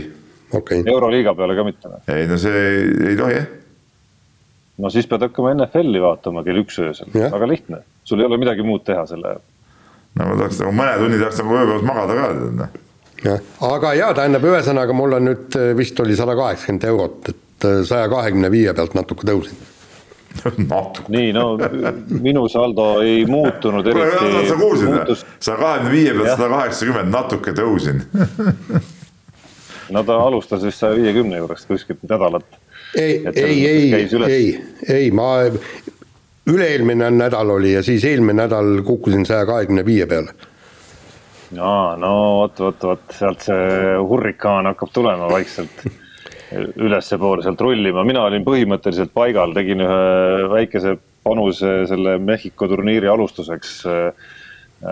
noh, endale tuntud skripti järgi, pigem siis, mitte pigem, meie omade vastu, aga see oli siis Aneti esimene mäng Äh, just selle katusega, äkki seal see, äkki see nüüd see, äkki see trepiaste, millest me rääkisime siin saate algul, äh, et sealt üks komistus tuleb, õnneks ei tulnud.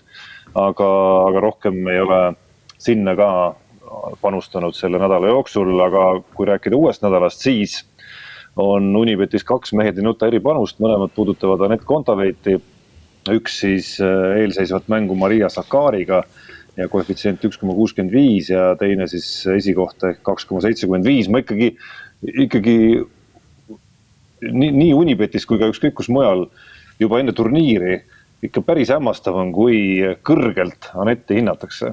ehk siis nagu kui madalad on tema just seesama turniiri võidu koefitsient juba enne turniiri. nojah nii, läheme kirjade juurde, meil kirju on seekord väga palju ja, ja meelega natuke vuristasime teemasid ka, et, et kirju on huvitavaid ja ma tegelikult alustan äh, kiirelt äh, ühe, ühe kirjaga, mis tuli nüüd saate käigus. ja lihtsalt rahustan inimest maha, põrine põnn on selle kirja saatja ja küsib, et äh, Peep, kurat, mis toimub? Et pühapäeval sõitsime pika hiilgava karjääri viimase sõidu Valentino Rossi ja Delfis ei piuksugi. Ja siis ta tead parandab, et väike piuks ikkagi oli. Aga ma tahan Põrine-Põnnile ütelda, et äh, võta rahulikult, hinga paar korda sisse-välja ja oota reedest LP-d, et, et siis, siis ma arvan, et, et oled, oled rahul sellega. Nii, aga lähme nüüd siis nende pikemate kirjade juurde ja Meelis kirjutab ja, ja tal on päris, päris huvitav kiri. kirjutab siis nii, et minu hinnangul on trennis käimise esimene mõte lapsest inimene, inimene kasvatada sellepärast on esialgu oluline see, et trenn oleks meeldiv ja laps tunneks ennast seal hästi. näiteks alguses väike vestlus lapsega, kus saada tuttavaks ja nii edasi.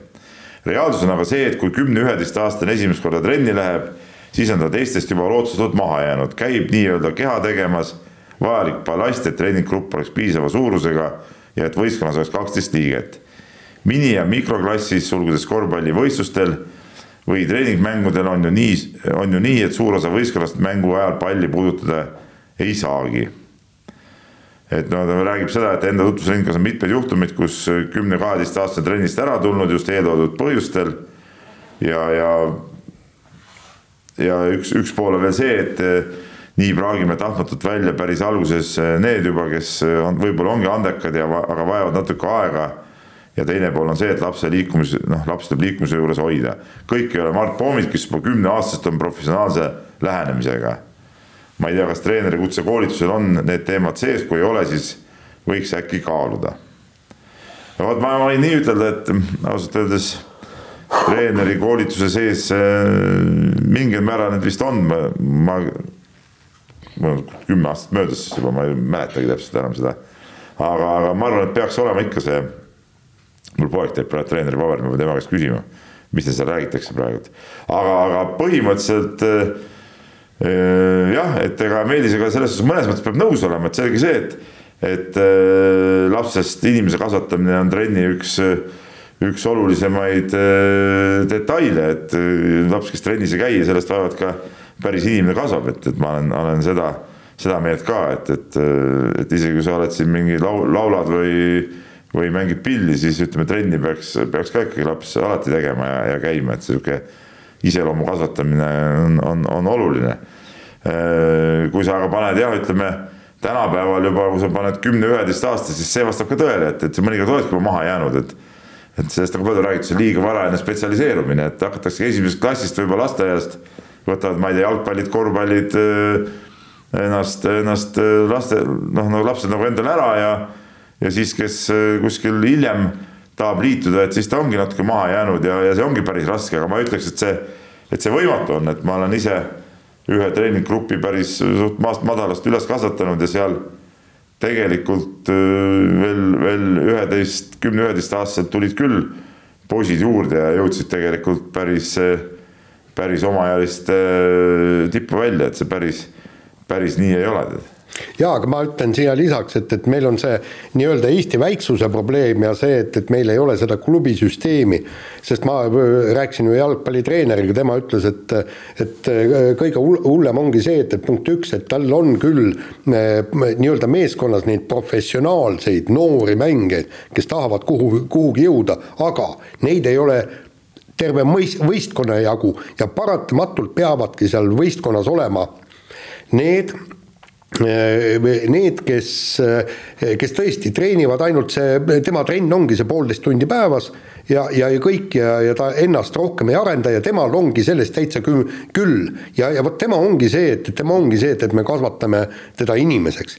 ja siis on veel need Äh, kolmas seltskond, keda võib-olla vanemad on äh, sinna ajanud. ja äh, sunnivad ja tegelikult noh, okei okay,, ta jookseb selle poolteist tundi ära seal, aga see, see teda suuremat sorti ei huvita ja siis ma ühelt kolleegilt, kelle poeg mängib ka jalgpalli, kui ma rääk-, rääkisin temaga, siis Soome jalgpalliklubid on üles ehitatud niimoodi, et seal on tõesti, vaata, seal on suured, seal on rahvast ka rohkem ja neil on Need kolm fun, fun-grupid nii-öelda. just, ja, ja neil ja. ongi neli taset, samas vanuseklassis on äh, kolm-neli taset. üks on see põhi, põhimeeskond, siis need pooleteist tunni käijad ja siis need, kes tõesti äh, fun, et, et.... see ja neil on ka võistlused sedasi, ma olen, äh, kui poisid väiksemate poistega tegin, siis ma käisin päris tihti ka Soomes turniiridel ja seal turniiridel oligi nendele nii-öelda fun, see on, see on ka Rootsis on niimoodi, ongi sihuke nagu omaette turniir on nendele, kes ongi nagu siuksed nagu, noh, kes ei tee seda nii tõsiselt, aga nad tahavad ka ikkagi võistelda ja mängida ja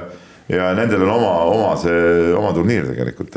just, aga, aga, aga meil ei ole neid väljakud, meil on klubid väiksed ja kõik meie seda, seda kõike, kõike kahjuks ei saa ja vot jällegi klubisüsteem lõime laiali ja nüüd küll, enam kokku ei panna. küll, aga, aga tõsi on see, et, et üks, üks näitaja on küll see, et et ega kõik need, kes ütleme, ma ei tea, kaheksateist, üheksateist aastased äh, saavad mängumeesteks või, või spordimeesteks, need ei pruugi olla seal kümne-kaheteistaastased veel nagu mitte, mitte midagi väärt, et et see on küll, et treeneritel peab olema kannatust ikkagi, kui sa näed, et kutt ise tahab ja tõesti võib-olla natuke koba ja ei tule välja, aga ta ise järgmist tahab, no siis, siis seda venda peab nagu aitama ja ja juures olema, aga, aga teisalt jälle need vennad, kes nagu üldse ei taha.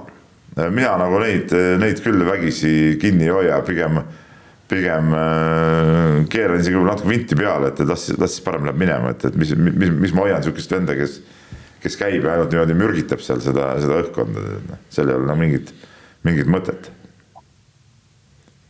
no siia on raske midagi lisada peale väikese remargi, Peep, et, et noh, kindlasti ma ei soovita sul noh, nagu alavääristada, ma ei tea, olgu ta laulmine, pillimäng või, või mingi tants või mingi asi sinna juurde, et seal mõnigi võib iseloomu kasvatada veel kordi rohkem kui sport, lihtsalt neid töötunde, mida sinna tuleb sisse panna, võib oluliselt veel rohkem. ja töö, töötundideks, aga sport peab olema lapse elus, et trenn peab igal juhul olema. sellega ei, sellega ma olen nõus absoluutselt, et noh, laulmisega sportlikuks inimeseks ei kasva.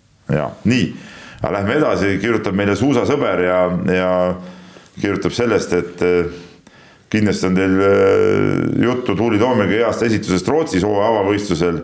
noh, tegelikult meil sellest juttu ei olnud, aga ma teadsin, et see kiri tuleb, sellepärast meil polnud tarvis juttu eraldi teha kuid äh, tähtsam võistlus ootab meie laskesuusatajaid ees tuleval nädalavahetusel, mil koondise katsevõistlustel pannakse paika MK-koondis. et uue peatreeneri hoolealused, hoolealuste vormist meil veel head ettekujutust pole, sest pole hiljutisi tulemusi, mille pealt vormikõverat ennustada. kuid mis on ekspertide ennustused, kes võiksid Eestis MK-etappidel esindada Eestit ja kes peaks äh, maailmakarika karussellist eemale jääma kas kõik Indrek Tobrelutsu, kes siis äh, treenivad nagu eraldi koondisest, hoolealused, võiksid MK-koondisse mahtuda? päris, päris keeruline küsimus, ma ei tea, kas kõik, äh, kõik mahuvad, ega see, eks see katsevõistlus peaks täim-, näitama, et Tuuli Toomikas kindlasti mahub, selles ma nagu, nagu ei, ei, ei kahtle. Ja ma tegelikult seda, seda kahe koosseisu vastandamist nii väga, väga suurelt ka ette ei võtaks, et kokkuvõttes, kui see hooaeg pihta hakkab, siis siis koondis on ikka koondis ja, ja nad on ikkagi koos, et lihtsalt eh, see, kui keegi teeb äh, nii-öelda oma, oma grupiga, noh, no las ta siis teeb, kuigi, kuigi minu arust nagu koondis võiks ikkagi, võiks ka tead äh, valmistuda koos, et lihtsalt see treener võiks ka seal juures olla siis ja ja, ja, ja nii ongi, et, et eks see Eesti väiksust arvestades on see natuke võib-olla sihuke nagu, nagu raiskamine tegelikult. ja aga Peep, see, see annab jälle konkurentsi, et, et, et treeneril on ka ju, ta peab tegema tööd sedavõrd hästi, et ta oleks teisest grupist parem. ei seda küll, seda küll jah, jah, seda küll, aga noh, aga noh, tegelikult on kõikidel sportlastel oma treenerid ju noh. no üldiselt no, küll. teoreetiliselt, et noh, kuigi ütleme selles, selles vanuses jälle jälle muidugi ei, pruugi olla, aga, aga muidu laskesuusatamises alati on nii, et alati on keegi kuskil kellegi teise juhendamisel ka teinud, et aga lõpuks koondis on ikka koondis.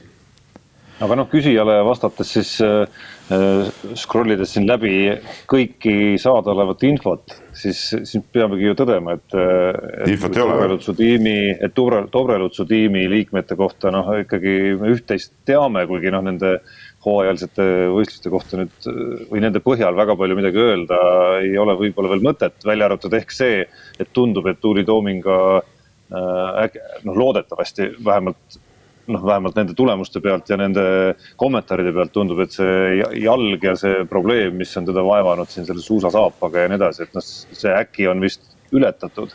Aga, aga mis puudutab seda päris koondist, siis sealt ju infot tegelikult ei ole. no seda me tegelikult ei tea, mis Toomingut puudutab, sest et eh, ta ka eelmine hooaeg oli seal. Minu arust sellel hooajaeelsel võistlusel oli, oli päris, eh, päris hea juba ja ja, ja ega see alati kohe välja ei, ei löö, aga noh, loodame, et see jalg on, on ta korras, kuigi mingi ohumärk oli, vaata ta pidi minema sinna krossi jooksu Balti meistrivõistlustele, aga sealt ta sõitis Lätti või Leetu kohale, aga aga seal ta mingi jalavalu tõttu võistelda ei saanud. ja, aga oli väidetavalt närvivalu, mis läheb ja. kiirelt üle.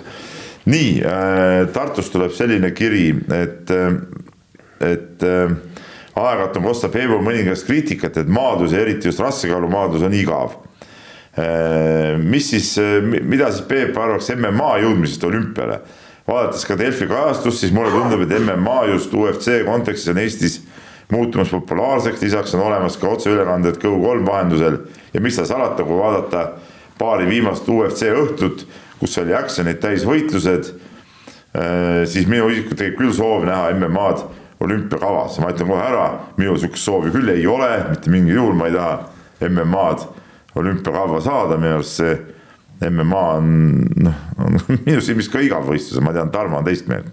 jah, Tarmo, räägi no te olete, ei, mis küsimus oli sulle ju, me oleme sel teemal ei, rääkinud küll. mina ütlen, et minu arust see on jama, see ei, see ei ole päris ja... sport, no see on, see on inimeste lõhkumine. see on ju. no see on inimeste lõhkumine tegelikult iidvana, iidvana Pankraationi no, järeltulija. on jah, aga, aga mulle see ala ei meeldi. noh. no paneme siis kilbijooksu ka ju sinna, et paneme nüüd sõjavormi, oli ju kilbijooks, sa võisid kõik, mõõga võisid ära visata, ehk siis niudevööd ja mis sul seal seljas olid, aga kilpi ei tohtinud ja pidid sellega finišisse jõudma. toome selle ka olümpiale siis no see ilmselt ei eruta ausalt öeldes. miks, ei eruta? kuule, kuule, oot, oot, oot, oot, oot, Tarmo, aga mõtle, alasti, alasti jooksevad, ainult kilp on käes. jah, täpselt. küsin, oled, oled, oled sa näinud kuskil publiku horde ja miljoneid televaatajaid neid võistlusi vaatamas, et, et üldse see teema võiks üles kerkida olümpiale tulemisest? no kaarikute võidusõit oleks kindlasti põnev, sellepärast et seal oli ikkagi päris action käis ju no ei ole sellist ala meil ka kuskil hetkel no jaa, aga see MMA ei ole ka mingisugune ala, noh, nii, nii ongi. no see, on ala küll, aga ta ei ole nagu see ala, mis, mis olümpiale peaks tulema, ma saan aru, et ta on populaarne, teda nagu vaadatakse, no siis võiksime ju populaarsuse järgi tuua, võiksime ju igast alasid, ma ei tea, vormel ühe ka tuua olümpiale, noh, see ei ole päris see. no miks mitte ei no,. diskgolfist ma olen ammu rääkinud. ei no, no, no diskgolf veel kvalifitseerub kuidagi, aga näiteks tehnikaspordialad ju tegelikult ei kvalifitseeru olümpiale, noh see ei, ei ole. seal on reeglitega. see ei lähtu, see ei haaku olümpia põhimõtetega. Noh. jah, seal on see, et, et võivad olla olümpiaalad, kus lihas peab nii-öelda töötama ja viima inimest või looma edasi. MM-as muidugi töötab jälle.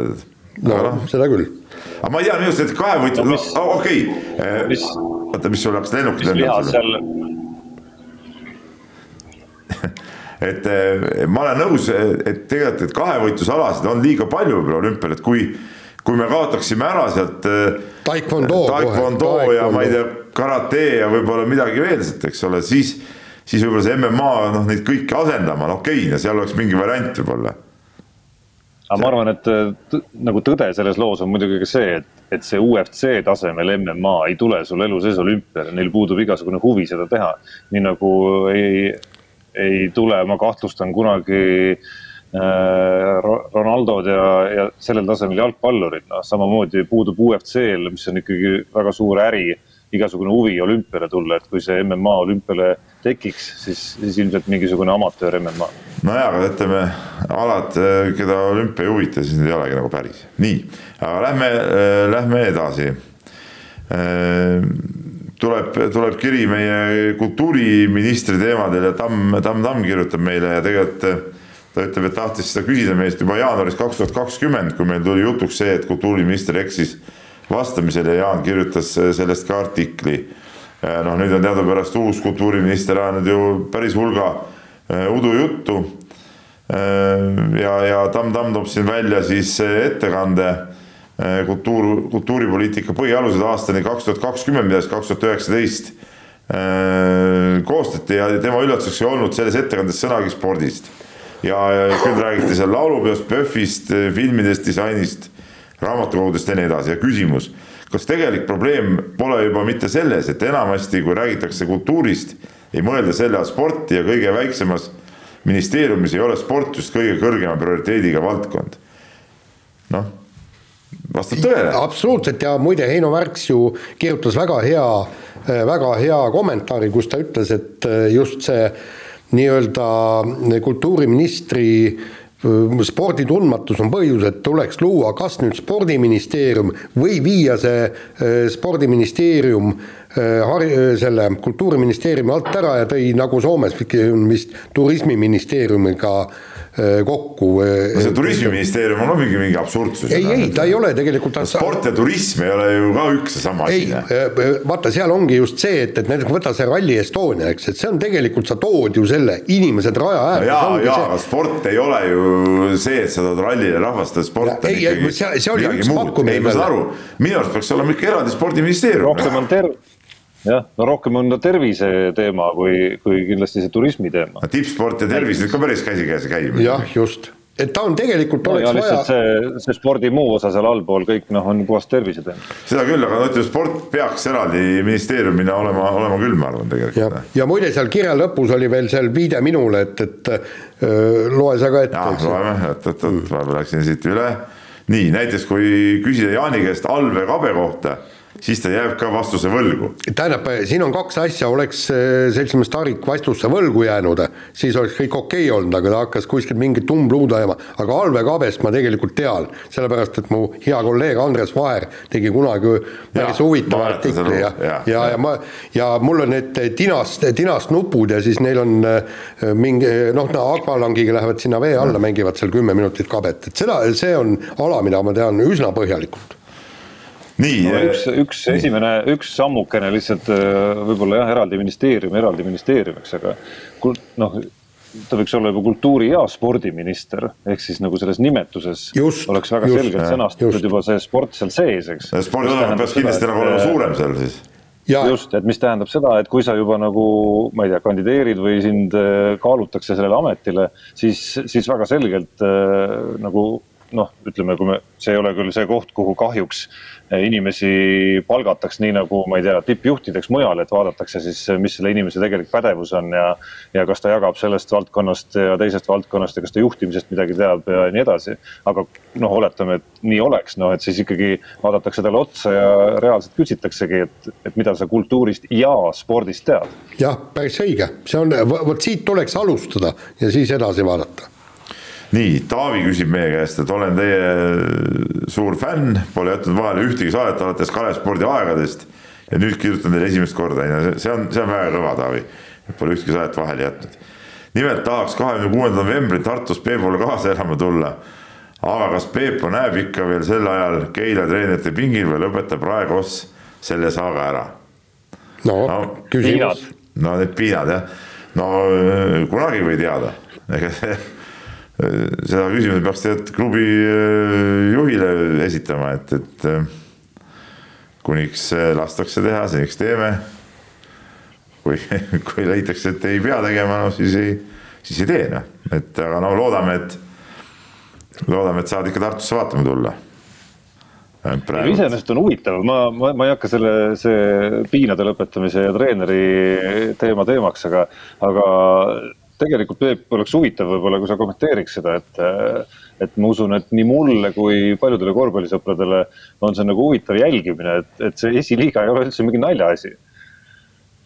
Ei ole naljaasi jah, miks naljaasi no, peaks olema? ma mõtlen, ma mõtlen, ei, ma mõtlengi just, just nagu selles mõttes, et, et, et sa lähed, tõusite sinna nagu täiesti loomulikku rada pidi, kasvasite äh,, ägedat tööd teinud, nüüd tugevdasite meeskonda kahe legionäriga ka, aga, aga esiliiga tase on ikkagi selline, kust, kust nagu ei jaluta kuidagimoodi läbi. ei, niisama ei jaluta ja no ütleme, sel hooajal on tegelikult niimoodi, et ütleme hästi ühtlane on see, see tase, ütleme kohad viis kuni kaksteist on ju sisuliselt sisuliselt seal ühe, ühe võidluse vahel, et, et, et oleks meil näiteks eelmine reede, kus me Paides Viiking Windows-ile viie punktiga kaotasime, oleks selle võitnud, me oleks sealt tabelis tõusnud viiendaks kohe hoobilt, et noh, et, et, et, et nii see seis on praegu, et jah, aga tase on, on ühtlane ja, ja tase on suhteliselt sportlik ja ja on, on normaalsed treenerid satsidel ja, ja on täitsa normaalsed mängumehed ja ja, ja tehakse noh, ma arvan, et see on täitsa okei okay,, okei okay,, okei okay liiga, et noh. Nii. no mina utsitan kindlasti, äh, panen panuseid, et Peep jätkab seal veel kaua erinevalt Žan Tabakist või Duško Ivanovist. Peep ikkagi nagu. aga need on vabad, äkki need tuuakse, tuuakse Keilasse äh, minu asemele, kunagi ei tea noh. no las alustavad äh, abitreeneri rollist no ja ütleme nii, et Duško Ivanovitš on minu silmis tegelikult küll väga kõva treener, Sander Pakist ei, ei oska nagu suurt midagi arvata, aga Duško Ivanovitš tegelikult ikkagi läbi aastate on teinud ju, ju, ju väga kõvasid asju, noh. Et selles suhtes, selles suhtes eh, on kahju, et tal see hooaeg nii läks, nagu ta läks. Ja ma vaatasin seda, seda eh, Euroliiga mängu, kus nad nüüd kaotasid eelmine nädal. Ja seal mitu korda võttis, äh, mängis Barcelonaga vist oli, Tarmo, mäletad? et, et äh, võttis mitu korda Ivanovitši suurde plaani ka. Ja ma siis, siis juba mõtlesin, et huvitav, kas ta mõtleb selle peale, et et, et kuramus, et, et mul läheb see tool istumise alt ära, tead noh, sest et see mäng oli suht, suht õnnetu neil no vaata, mida me kunagi ei näe, on ikkagi see, mis meeskonna sees toimub, et me näeme seda, mis toimub mängul ja mis toimub äh, võib-olla siis intervjuudes. et, et Usko Ivanovitšil on päris tihti karjääri jooksul ikkagi nagu lappesse läinud see asi ka just sellisel kujul nagu praegugi, kus, kus ühel hetkel äh, klubi juhid näevad ilmselt, et see protsess ei liigu õiges suunas ja, ja tuleb suunda muuta jälle. sealsamas, selles samas, ühes samas klubiski vist oli see kolmas kord juba. Peep, üks kiri võta veel. üks käi... vist meil Rubinniku mees siin midagi poriseb kõrvaklappidesse, et et lõpetage ära, aga ei, ütleme nii, et äh, ei lõpeta, vot põhimõtteliselt ei lõpeta, teeme veel edasi oleme kõigepealt tund ja kaheksateist minutit olnud eetris olnud ja, ja peale selle ta pani, pani nupud kolmkümmend viis sekundit hiljem käima ka, kui pidi, nii et selle karistuseks me teeme, teeme ühe kirja veel ja, ja. no et Rait Ratassepp, et kui Rait Ratasseppile kutsusime üles, et miks kuuekümnega piirduda yeah. triatloniga, et siis äh, meil on sama, noh, miks tund kaheksateistkümnega. ja, ja minu pärast äh, võivad, võivad siin mingid uued saate tegijad peale tulla, aga las nad siis äh, ootavad ukse taga lihtsalt, me istume siin ees ja nii ongi, vot nii. ja võtame siis, võtame järgmise kirja ilusti siit ette ja, ja põhimõtteliselt samas, et tennis, natuke oli sama teema sees, aga tegelikult me ei rääkinud seda lahti. ja Kammu küsimuse peale on seda hea nagu seletada. et ähm, olete kursis, miks osad alad ei ole olümpiamängudel esindatud tippudega või ei ole olümpiavõit see kõige-kõige, näiteks jalgpall, tennis. miks, mis on see ajalooline põhjus nende kahe puhul, isegi korvpallis saadakse maailma parimad kokku, sama jäähokis, võrkpallis, kus muidu pikad hooajad, kõrged palgad. aga miks mitte jalgpallis või siis Grand Slam on olulisem kui olümpiavõit. no tennis ju kadus olümpiamängudelt ära, ta ju alguses oli. vahepeal üldse, üldse ei olnud kavas vahepeal. üldse ei olnud jah, tennist ei olnud kavas ja, ja sealt võib-olla läks ja kui ta läks nüüd profitenniseks ja seal on, seal on ikkagi noh, seal on võistlused ja jalgratturitel on ju täpselt sama. et eh, neil on ikkagi olulisem on võita Tour de France ükstapuha, milline suur tuur, kui siis need olümpiamängud ja tennisel on ka ikkagi Wimbledon ja US Open ja, ja Prantsuse lahtised, see no see läheb annaalidesse, paraku. No üks asi on anaalid ja teine asi on, ongi seesama korralduslik ja kogu see nii-öelda raha pool, et, et mis peaks olema FIFA rahvuslike jalgpalliliitude kõikide huvi sellesse oma ülim pirukas siis kuskile sinna hakata seda hoopis rahvusvahelise olümpiakomiteega jagama. no jaa, aga olümpia on ülim, saad sa aru, et mingisugune FIFA on mingi, noh, mingi nali nagu noh, see, selle kõrval noh. ma ei tea, jalgpalli mm ma ütleks, on ka, on ka ülim. ei, ta ei ole ülim kui olümpia, see on nagu selge, et ära sellist juttu, kui sellist juttu ajad, siis sa võid sinna Tenerifele puhkama puhkama jääda. see on päris, see mõte on mul niigi läbi käinud nii, aga kontor oleks ka päris hea siit püsti panna. nii, nii, aga meil jäi mitu päris head kirja lugemata ja ma luban, et kindlasti me võtame need, võtame need veel ette, et siin on, siin on häid, häid küsimusi ja, ja neid saame, saame kasutada järgmine kord. nii, aga sellega on saade lõppenud. mehed ei nuta. saate tõi sinuni Univet, mängijatelt mängijatele